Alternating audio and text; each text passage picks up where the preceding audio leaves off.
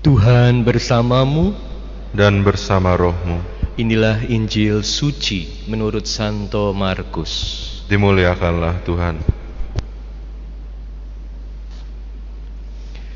Pada suatu hari serombongan orang Farisi dan beberapa ahli Taurat dari Yerusalem datang menemui Yesus.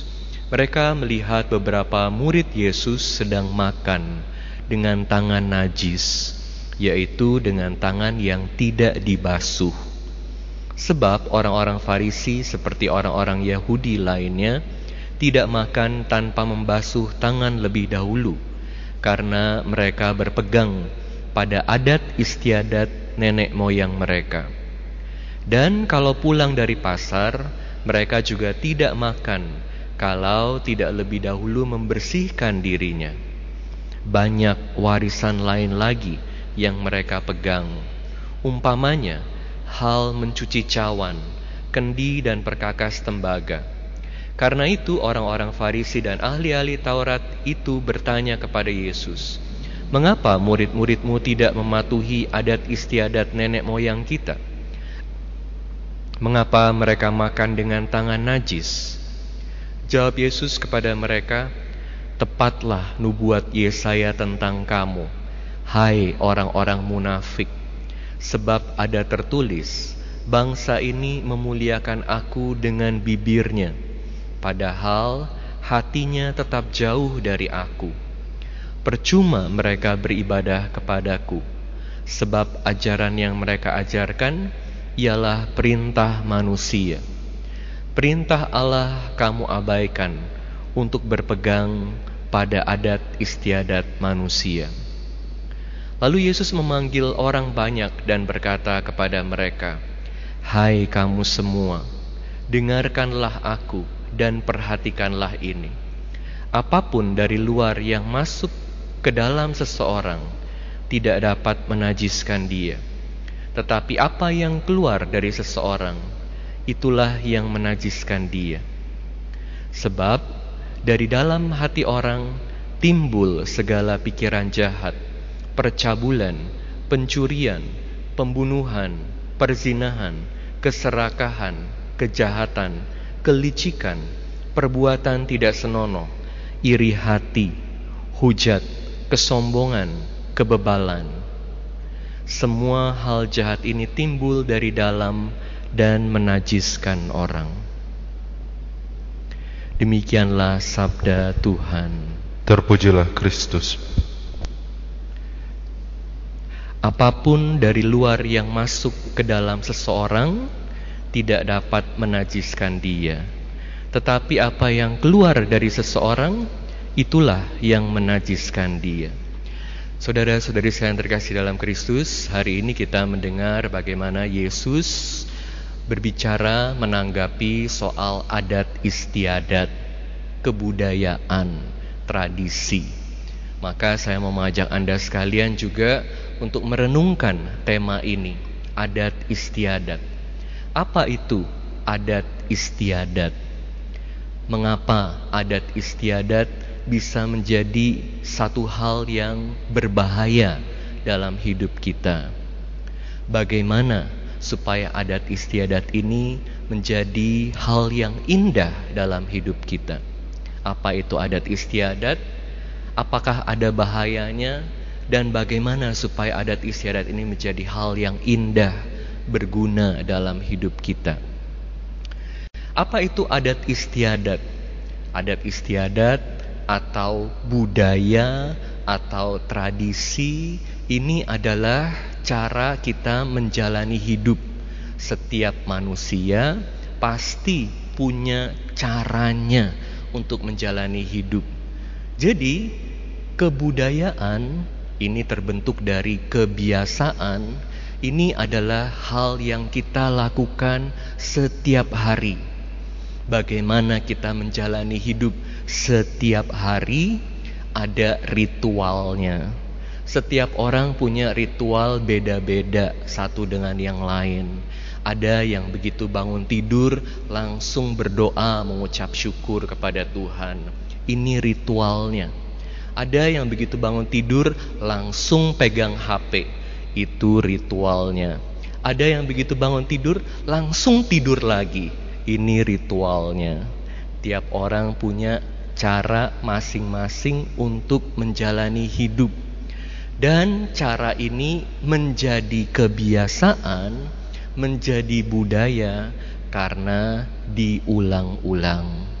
Dan tentu setiap orang membentuk kebudayaannya sendiri tetapi juga menerima warisan dari orang tuanya.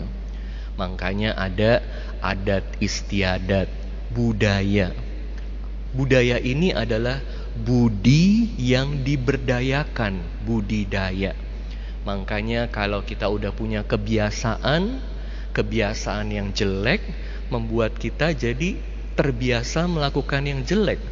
Kebudayaan yang baik menuntun kita membantu kita untuk menjadi dan melakukan berbagai hal yang baik.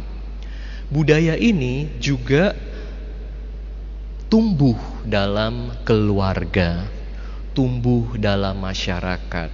Setiap keluarga, setiap masyarakat juga punya budayanya. Budaya apa yang Anda hidupi dalam keluarga Anda? Kalau saya dalam keluarga saya, salah satu yang orang tua saya biasa lakukan dan saya sangat menghargai adalah kebudayaan. Tentu kita orang Katolik kan buat tanda salib ya. Orang tua saya itu sering kali sebagai satu kebiasaan setiap kali kita anak-anak mau pergi keluar, pergi ke sekolah, atau sebelum tidur selalu dikasih berkat Tuhan memberkati dalam nama Bapa, Putra dan Roh Kudus di dahi. Jadi saya juga selalu ajak keluarga-keluarga terutama saat pembaptisan untuk bangun kebudayaan ini. Anak-anak kalau mau pergi ke sekolah atau mau tidur itu dikasih berkat dulu. Jadi nanti kalau mereka udah dewasa, saya udah jadi pastor, kalau ketemu papa saya minta berkat. Ada orang yang kebiasaannya kasih duit. Jadi kalau ketemu orang tuanya mintanya duit. Tapi kalau biasa dikasih berkat Tuhan memberkati. Ketemu orang tua mintanya pi berkatin pi. Ah, begitu. Jadi ini satu adat istiadat, kebiasaan, budaya dalam keluarga. Dan tentu ini juga jadi budaya kita buat orang Katolik. Karena biasa buat tanda salib kita seneng kalau lihat orang yang hebat buat tanda salib. Ini menjadi identitas. Saya masih ingat waktu saya masih kecil, kan sekarang kan ini atlet-atlet yang berprestasi di olimpiade ya. Kita senang kalau kita lihat mereka buat tanda salib abis begitu menang buat tanda salib. Kita jadi tahu oh orang Katolik. Wah, kita juga senang orang Katolik ini berprestasi, berkarya buat negara. Waktu saya masih kecil salah satu juaranya, pahlawannya saya masih SD, SMP itu Susi Susanti jadi waktu dia menang di Olimpiade buat tanda salib, wah kita seneng. Dan saya juga kalau ketemu di gereja, karena kita satu paroki dulu di Maria Bunda Karmel di Tomang, Susi Susanti suka ke gereja sama Alan Budi Kusuma, biasa duduk di belakang. Kita seneng kalau lihat dia, ya ini dari gereja, orang Katolik berprestasi, menjadi identitas. Tentu tradisi budaya ini menjadi cara hidup dan identitas kita. Sangat penting dalam hidup. Nah, apa bahayanya? Apa ada bahayanya? Ya, tentu ada bahayanya. Dan hari ini Yesus mengingatkan orang Farisi dan ahli Taurat. Mereka ini adalah orang pinter-pinter yang tahu apa yang harus dilakukan dalam hidup mereka untuk menjaga adat istiadat ini. Mereka yang memastikan bahwa adat istiadat ini terus dilakukan sebagai identitas orang Israel. Tapi sayangnya, dan ini kan sudah diingatkan dalam bacaan pertama, Musa mengingatkan orang Israel untuk terus menjaga aturan-aturan mereka. Bahayanya adalah saat kita lalu jadi fokus pada hal-hal yang eksternal. Bahkan kalau berbagai tradisi ini, budaya ini jadi membuat pengkotak-kotakan dalam masyarakat.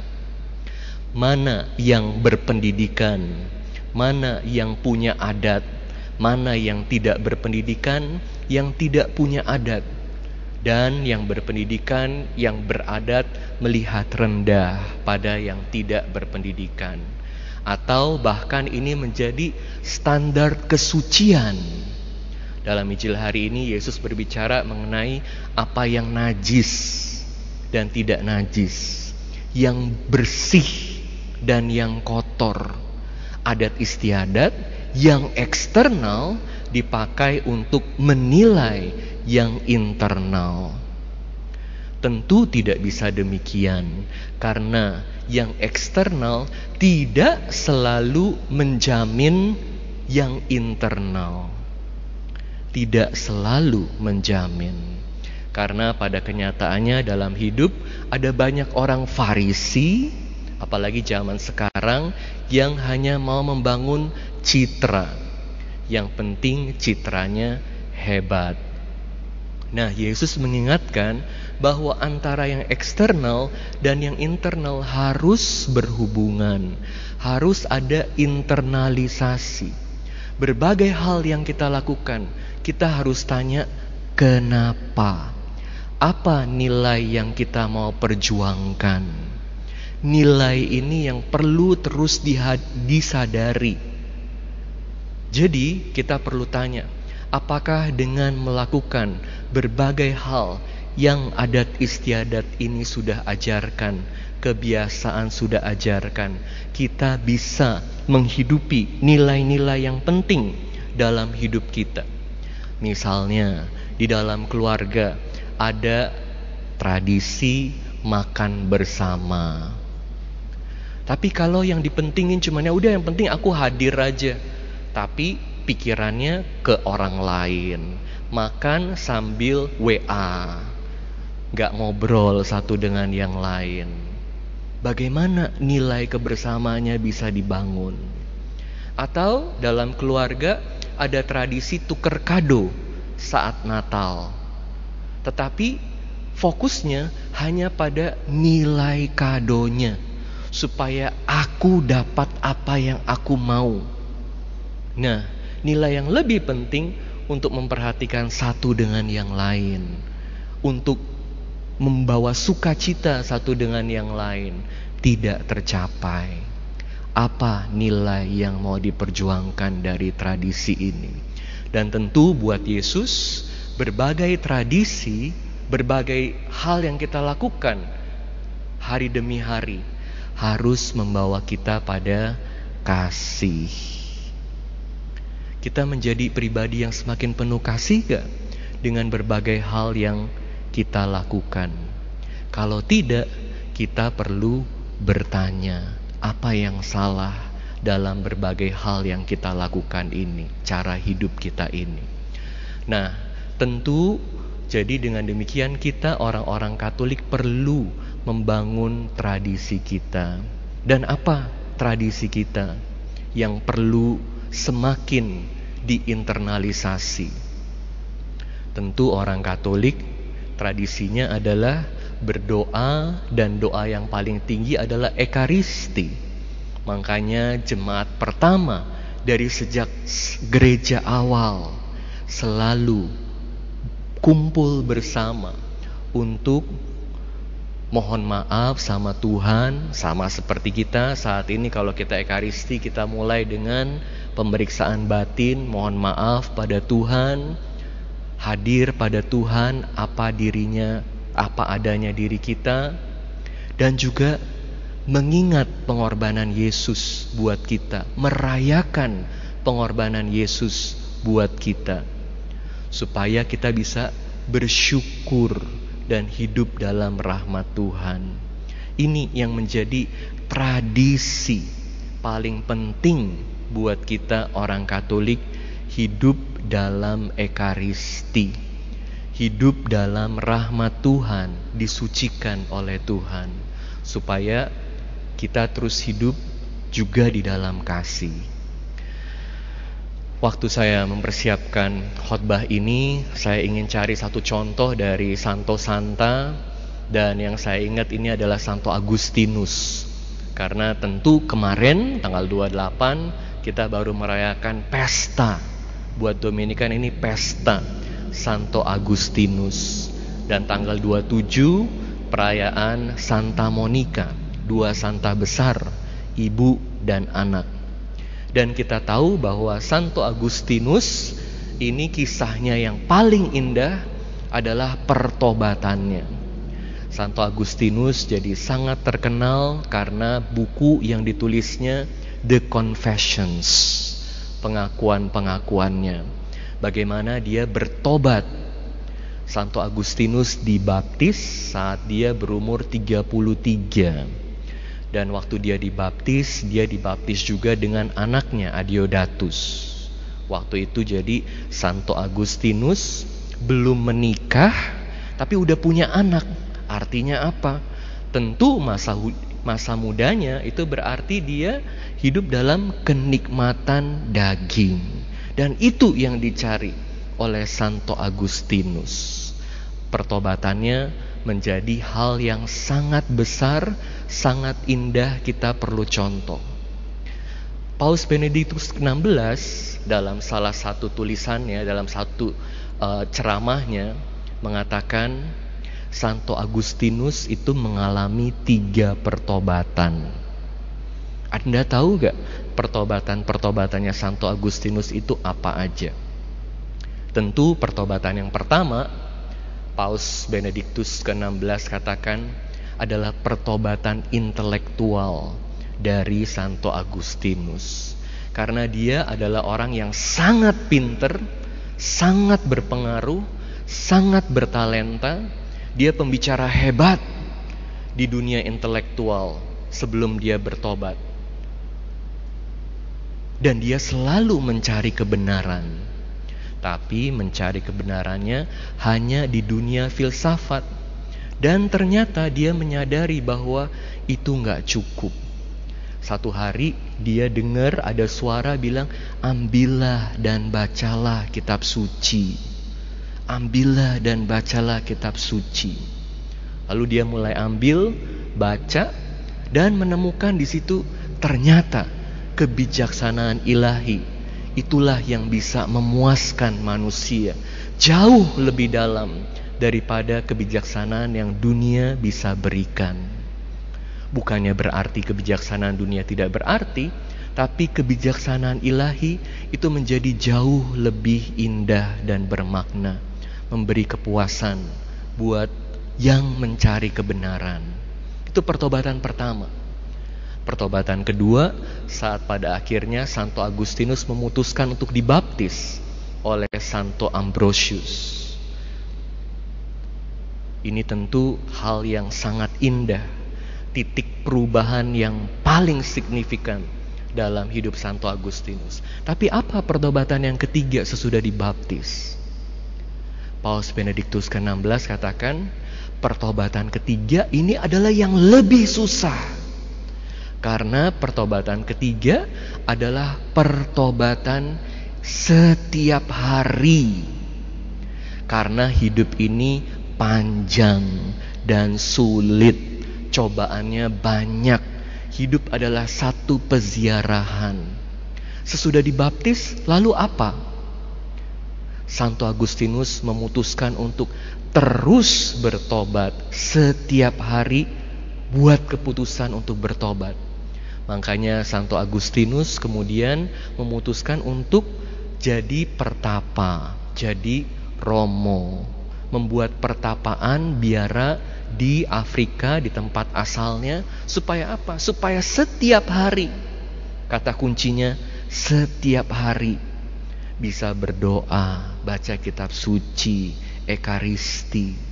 Ini adalah pertobatan yang paling susah karena menyangkut hidup yang panjang setiap hari seumur hidup. Ini menjadi tradisi yang kita hidupi, budaya yang kita hidupi, yang membawa kita pada kesucian. Dan ini adalah kebersihan sejati, kesucian sejati, bukan dari luar, tapi yang bersumber dari hati yang bersih. Dan ini kita perlu lakukan terus-menerus, sehingga seperti yang dikatakan oleh Mazmur Tanggapan, Tuhan siapa yang boleh menumpang dalam kemahmu? Anda sekalian yang hatinya bersih, yang selalu dibersihkan juga oleh rahmat Tuhan. Karena yang bisa melihat Allah adalah yang hatinya bersih. Diberkatilah yang bersih hatinya, mereka akan melihat Allah. The Lord be with you. and with your spirit. A reading from the Holy Gospel according to Saint Mark. Glory to you, O Lord. When the Pharisees with some scribes who had come from Jerusalem gathered around Jesus, they observed that some of his disciples ate their meals with unclean, that is, unwashed hands. For the Pharisees, and in fact all Jews, do not eat without carefully washing their hands, keeping the tradition of the elders. And on coming from the marketplace, they do not eat without purifying themselves. And there are many other things that they have traditionally observed, and the purification of cups and jugs and kettles and beds. So the Pharisees and scribes questioned him, Why do your disciples not follow the tradition of the elders, but instead eat a meal with unclean hands? He responded, Well, did Isaiah prophesy about your, you hypocrites? As it is written, These people honors me with their lips, but their hearts are far from me. In vain do they worship me, teaching as doctrines human precepts. You disregard God's commandments but cling to human tradition. He summoned the crowd again and said to them, Hear me, all of you, and understand. Nothing that enters one from outside can defile that person, but the things that come out from within are what defile. From within people, from their hearts come evil thoughts, unchastity, theft, murder, adultery, greed, malice, deceit, licentiousness, envy, blasphemy, arrogance, folly. All these evils come, from within, and they defile. The Gospel of the Lord. Praise to you, Lord Jesus Christ. These people honors me with their lips, but their hearts are far from me. In vain do they worship me, teaching as doctrines human precepts. That's what happened to the Jews at the time of our Lord Jesus Christ when they interpreted the law and expressed it uh, in their own words. They come up with more precepts. And they thought that obedience to God is obedience to what they have interpreted or to their own interpretation. And sometimes the interpretation can be ridiculous, meaning it's not anymore to the spirit of the law, but simply making people, lives of people difficult. That is why our Lord Jesus Christ also mentioned that they allow or they invite people to join them, but uh, make it difficult for them to really become uh, come near God because their own precepts, their own interpretation has uh, blocked them from coming closer to God. There are, for instance, people who are preaching the Word of God, meaning they read it and they interpret it and they, they preach it to others, the words in the Bible. But uh, in their uh, conviction that they have the right interpretation, they insist on it to the point of quarreling now. Once they quarrel, they throw Bible at each other. So they have completely forgotten that the purpose of uh, really uh, knowing the Bible is knowing how to love, how to love, how to care for one another. If all we do is talk about it, uh, then we have not really learned our lesson, but to really act on it, act on it. There was this old priest who, yeah, was on a retreat, and then he remembered a story of, uh, well, when he was reflecting about himself, he realized that he was, yeah, delivering sermons for so many years now, but sermons that are very comfortable to people because he lived a very comfortable life and then he does not want to disturb his comfort. That's why he does not like to offend. That's why instead of really preaching, like correcting the parishioners, he just simply preach what is uh, comfortable, meaning a safe message for the people so that everybody happy, there's no problem. But a young priest came and then he started uh, talking about gambling. By the way, this happened in uh, Kentucky, USA, near the uh, racetrack. That's the location of the parish. So I started about talking about uh, uh, gambling and the evils that it brings us by uh, yeah putting everything to luck and then sacrificing the essentials for the want of winning. Yeah. And then the after the sermon, the president of the parish council approached him, Father, next time don't talk about gambling. He said, Why? Because many of our major donors, they are uh, into gambling. they might uh, end up not uh, donating anymore. The following Sunday, the, this young priest preached about smoking. Yeah, and the evils it does uh, causes cancer. Many died because of uh, smoking, the ill effects of smoking. Then the president of the uh, parish council once again approached him, Father, uh, you know, our place is known for tobacco. That's why many again of our parishioners are into uh, tobacco. Uh, jadi, uh, that's why, yeah, uh, avoid uh, talking about uh, the ill effects of smoking or cigarette. The following Sunday, this young priest once again thought of, uh, thought of something else. Okay, so he preached against the evil of alcohol. Alcohol. Because, yeah, the, these drivers who get drunk and driving so many accidents, so it hurt people and there is so much uh, evil coming from being drunk, uh, licentiousness, covetousness, and everything. Then the parish, the president of the parish council once again uh, called his attention. You know, Father, here it's very difficult to preach against alcohol because you know, yeah, the Kentucky is uh, much uh, popular, more popular than tobacco.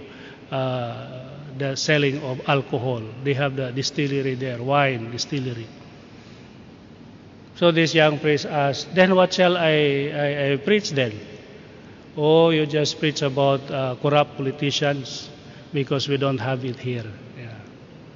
Meaning, when you preach, don't touch anybody, uh, hurt the feelings of people.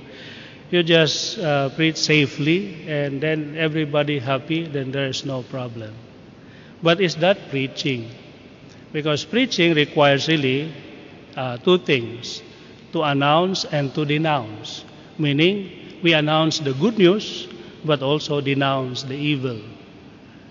And that is why we are called to correct and to reprimand or to call the attention. Our Lord Jesus Christ uh, very much lead us the way along that line to people who are really hard headed and need correction. He really called their attention and sometimes uh, very roughly just to shake them and to really uh, call their attention. Yeah, because you know there is a principle. If you would like to be heard, you have to shout. And there are people sometimes they only hear when we shout. One time, of course, the uh, scribes and Pharisees asked them, "What about us? Uh, uh, are we also uh, to be condemned?" Then Jesus Christ, "You also, brood of vipers." White outside but rotten inside. So he really called the attention of people. and in fact drive people out of the temple. Yeah, those sellers, swindlers inside the, the temple. But he can also be very gentle to one who is already there and who is already uh, downhearted. He is very gentle. Somebody caught of adultery, for instance, and then uh, he was asked, uh, "Shall we stone her?" Uh, she is caught uh, committing the adultery on the spot. And then our Lord Jesus Christ, instead of condemning the, the woman caught in adultery, wrote something on the ground and then asked the people, okay, those who have no sin, cast the first stone. Then, of course, you know, we know what happened from the eldest to the youngest. One by one, those accusers went away. Why? Why they went away? Because actually, one of the explanations was that Jesus Christ wrote something on the ground. And what he wrote actually were the sins of those people around. That's why they saw, "Ooh, uh, he, he knows our sin. That's why they cannot really be so boastful and so arrogant as to be the one to cast the first stone. So one by one they left. They left. And then, of course, our Lord Jesus Christ asked the woman, Are there still somebody uh, accusing you or trying to kill you? No one, sir. Okay, neither do I uh, condemn you. Go and sin no more. So these are ways because the, the, the ultimate intention is to change for the better, to change for the better. And this is now the invitation for all of us. Today, as we listen to the gospel, the first focus, of course, is not other people, but ourselves. Let us look into ourselves and really uh, honestly ask Are we uh, doing well in life? Are there things that need to be continued, to be developed and nurtured? And are there things that also have to be stopped and to be changed and to be modified? Then, of course, the good things we have to develop and nurture. And then, then the not so good one we have to eradicate, we have to uh, overcome. Sometimes we cannot really fully erase them or cure them, at least uh, redirect towards the good. And then our ourselves, we will be able to really change and not only yeah, listen to to the word of God, but really act on it. Act on it. And we start from within, from within. Not so much concern about the externals, meaning reputation. People, what what do people say about me? Yeah. Then sometimes we care about people, people's uh, comment, people's opinion. That's what happened to Herod. Uh, Herod was he knew that uh, he he felt it at least that John the Baptist was a holy man, but because he has already given his word, and people were expecting him to uh, to be faithful to his word, he ordered the uh, beheading of John the Baptist. Why? Because he did not want to follow the, his heart, but rather to follow other people's opinion. He was more, uh, uh, he gives more importance to his reputation, to what other people say, than what really God say. So, an invitation for us to really examine our lives and change for the better. Listen. Listen to the promptings of the Holy Spirit and not only be satisfied at meeting the expectation of other people, appearing good, but really being good, being good deep within. So that what comes out is not uh, something that will pollute, but rather something that will purify, something that will uh, improve people, would heal people in their illness, other than inflict pain and wounds. Amen. Tuhan bersamamu. dan bersama rohmu. Inilah Injil suci menurut Santo Markus. Dimuliakanlah Tuhan. Pada suatu hari serombongan orang Farisi dari beberapa dan beberapa ahli Taurat dari Yerusalem datang menemui Yesus. Mereka melihat beberapa murid Yesus makan dengan tangan najis, yaitu dengan tangan yang tidak dibasuh. Sebab orang-orang Farisi seperti orang-orang Yahudi lainnya tidak makan tanpa membasuh tangan lebih dahulu karena mereka berpegang pada adat istiadat nenek moyang mereka. Dan kalau pulang dari pasar, mereka juga tidak makan kalau tidak lebih dahulu membersihkan dirinya. Banyak warisan lain lagi yang mereka pegang, umpamanya hal mencuci cawan, kendi dan perkakas tembaga. Karena itu orang-orang Farisi dan ahli-ahli Taurat itu bertanya kepada Yesus, Mengapa murid-muridmu tidak mematuhi adat istiadat nenek moyang kita? Mengapa mereka makan dengan tangan najis? Jawab Yesus kepada mereka, Tepatlah nubuat Yesaya tentang kamu hai orang-orang munafik. Sebab ada tertulis, bangsa ini memuliakan aku dengan bibirnya, padahal hatinya tetap jauh dari aku. Percuma mereka beribadah kepadaku, sebab ajaran yang mereka ajarkan ialah perintah manusia. Perintah Allah kamu abaikan untuk berpegang pada adat istiadat manusia. Lalu Yesus memanggil lagi orang banyak dan berkata kepada mereka, Hai kamu semua, dengarkanlah aku dan perhatikanlah ini. Apa pun dari luar yang masuk ke dalam seseorang, tidak dapat menajiskan dia. Tetapi apa yang keluar dari seseorang, itulah yang menajiskan dia. Sebab dari dalam hati orang timbullah segala pikiran jahat, percabulan, pencurian, pembunuhan, perzinahan, keserakahan, kejahatan, kelicikan, perbuatan tidak senonoh, iri hati, hujat, kesombongan, dan kebebalan. Semua hal jahat ini timbul dari dalam dan menajiskan orang. Demikianlah sabda Tuhan.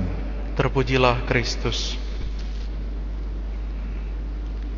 Saudara-saudari yang terkasih dalam Kristus, pada sore hari ini kita mendengarkan bersama-sama dalam Injil bagaimana ada orang-orang Farisi yang datang dari Yerusalem.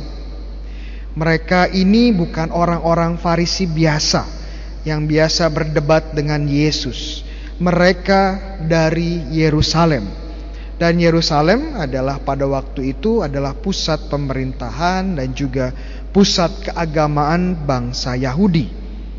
Jadi ini orang-orang penting, orang-orang yang berada pada pucuk pimpinan keagamaan bangsa Yahudi mereka adalah otoritas. Dan mereka jauh-jauh dari Yerusalem ke tempatnya Yesus di Galilea. Untuk apa? Ya mereka ingin menilai, ingin menyelidiki, ingin menginvestigasi apakah Yesus ini adalah seorang Yahudi yang ortodoks atau dia adalah nabi palsu yang melanggar hukum Taurat. Dan ternyata yang mengejutkan hasil investigasi mereka itu adalah Yesus disebut sebagai pelanggar adat istiadat nenek moyang. Mereka tidak bilang Yesus pelanggar hukum Taurat, tidak. Karena mereka tidak menemukan itu, mereka cari yang lain. Oh, ternyata Yesus dan murid-muridnya tidak setia dengan adat istiadat. Ternyata Tuhan Yesus setia menjalankan hukum Taurat, menjalankan sabda Allah. Ya, 10 perintah Allah tahu kan ya? Ya, 10 perintah Allah. Nanti kalau hafal saya kasih pisang, ya. Yesus tidak membunuh. Yesus tidak berzina, Yesus tidak mencuri, Yesus tidak berkata dusta dan seterusnya. Tidak mereka temukan. Tetapi mereka menemukan sedikit celah. Ternyata Yesus tidak mencuci tangan. Dia. Wah, mencuci tangan saja menjadi permasalahan ya. Ya zaman sekarang sih memang akan jadi permasalahan ya karena memang ini salah satu sarana kebersihan dan kesehatan mencegah menyebarnya virus corona. Ya. Tetapi zaman itu nggak ada virus corona. Dan mencuci tangan waktu itu bukan hanya masalah higienitas, kebersihan, tetapi merujuk kepada hukum najis dan tahir. Maka dikatakan bahwa Yesus dan murid-muridnya mereka makan dengan tangan najis. Ya. Najis, apa itu kenajisan? Ya. Apa itu menjadi tahir kalau kita lihat perjanjian lama dan juga pada zamannya Yesus. Hukum tahir dan najis untuk mengerti sedikit, saya coba bahas sedikit. Ini mengatur tentang apakah seseorang itu boleh memasuki bait Allah tempat peribadatan atau tidak.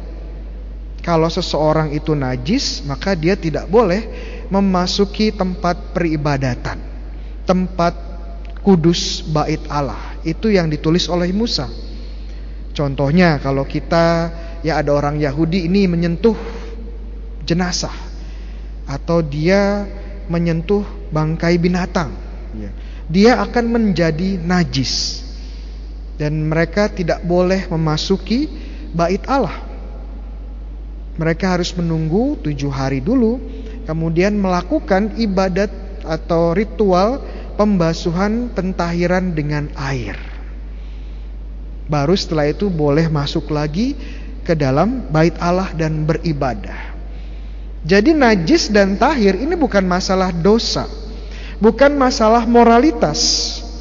Ini lebih pada sebuah peraturan yang dibuat Tuhan untuk melatih bangsa Israel menghargai dan mencintai rumah Tuhan. Menghormati bait Allah di mana Tuhan berada. Karena hal-hal najis ini berhubungan dengan kematian. Ya, bangkai binatang, jenazah manusia, ya, jenis-jenis makanan tertentu berhubungan dengan kematian. Sementara bait Allah adalah tempat kehidupan tempat Allah sendiri. Makanya jangan ada yang berbau kematian mendekati rumah Tuhan. Jadi itu mereka dididik untuk respect, hormat kepada bait Allah. Nah, apa yang dilakukan oleh orang-orang Farisi, mereka tidak hanya melakukan hukum najis dan tahir untuk bait Allah, tapi mereka membawa ini ya ke dalam kehidupan sehari-hari bangsa Israel. Makan harus tahir. Minum harus tahir. Masuk rumah nggak boleh najis. Tidur pun nggak boleh najis. Oleh karena itu mereka menciptakan berbagai peraturan adat istiadat yang sebenarnya nggak ada di hukum Taurat untuk menopang ya kegiatan ini agenda Farisi ini agar tetap tahir di mana pun mereka berada. Makanya ada pembasuhan tangan sebelum makan supaya tidak najis. Kalau perlu alat-alat makannya juga dibersihkan, ya, ditahirkan supaya tidak najis. Tempat tidurnya sekalian, ya, dibasuh supaya tidak najis. Ini program dari orang-orang Farisi dan ini sudah turun temurun makanya disebut adat istiadat. Dan ini yang dipakai oleh orang Farisi untuk menjatuhkan Yesus. Dan Yesus itu luar biasa jenius. Dia langsung counter attack. Waduh ya. Menunjukkan bahwa orang Farisi ini lebih mementingkan adat istiadat daripada sabda Tuhan daripada hukum Tuhan. Mereka lebih penting bersih secara ritual, secara tradisi tapi hidup tidak bermoral. Hatinya jauh dari Tuhan. Makanya Yesus bilang, bukan apa yang masuk ke dalam tubuh kita, bukan apa yang disentuh oleh tubuh kita, tetapi apa yang keluar dari hati. Hal-hal jahat yang keluar dari hati. Ini yang menghancurkan relasi kita dengan Tuhan. Ini yang menghancurkan, memotong relasi kita dengan Tuhan. Bukan masalah tahir atau najis. Yang sungguh-sungguh membuat kita kotor ya apa yang ada di dalam hati kita. Dan kritik Yesus terhadap orang Farisi ini masih sangat relevan buat kita sekalian. Buat saya dan buat kita semua. Bahwa kadang-kadang kita beragama kita beribadah tapi hatinya masih kotor. Hatinya masih najis. Saya rasa percuma kita rajin ke gereja, rajin ikut misa online, rajin ikut pertemuan doa, ya. Tetapi di luar gereja, di luar tempat peribadahan, ya, masih terlibat dengan berbagai kecurangan, berbagai bentuk korupsi entah di sekolah, entah di kampus, entah di tempat kerja, di bisnis, supaya cepat sukses, supaya cepat kaya, cepat karirnya naik. Di dalam gereja nama Tuhannya Yesus, ya. Di luar gereja nama Tuhannya Cuan. Ya. Tuhan Yesus dan Tuhan Cuan. Percuma kalau kita punya banyak ya benda-benda rohani, tapi hanya sekedar buat koleksi. Wih, ini patung bagus dari Lourdes. Wih, ini rosari dari Fatima. Ini gambar dari Meksiko. Wah, keren. Guadalupe. Tapi yang paling berharga ini. Apa itu? Ini pisang dari Romo Bayu. Ya percuma kalau hanya menjadi koleksi. Hanya sekedar untuk pajangan tapi tidak membawa kita lebih dekat lagi kepada Tuhan. Tidak menjadi sarana berkat dan sarana kita berdoa. Dan kadang-kadang sama juga saat kita melakukan pewartaan, melakukan pelayanan, ya melakukan amal kasih, tindakan amal kasih. Kadang-kadang tujuannya ya buat pamer. Kadang-kadang tujuannya supaya kita feel good about it ya, supaya rasa senang saja. Supaya kita merasakan sense of sense of accomplishment. Merasa ada pencapaian dalam hidup. Atau sekedar membangun koneksi ya. Karena ikut kegiatan, koneksi lebih banyak ya. Jualan lebih lancar ya, cuan lagi ya. Buat apa ya? Kalau kita tidak sungguh-sungguh melayani Tuhan dalam pelayanan kita, tidak sungguh-sungguh melayani ya sesama kita. Buat apa kita ke gereja?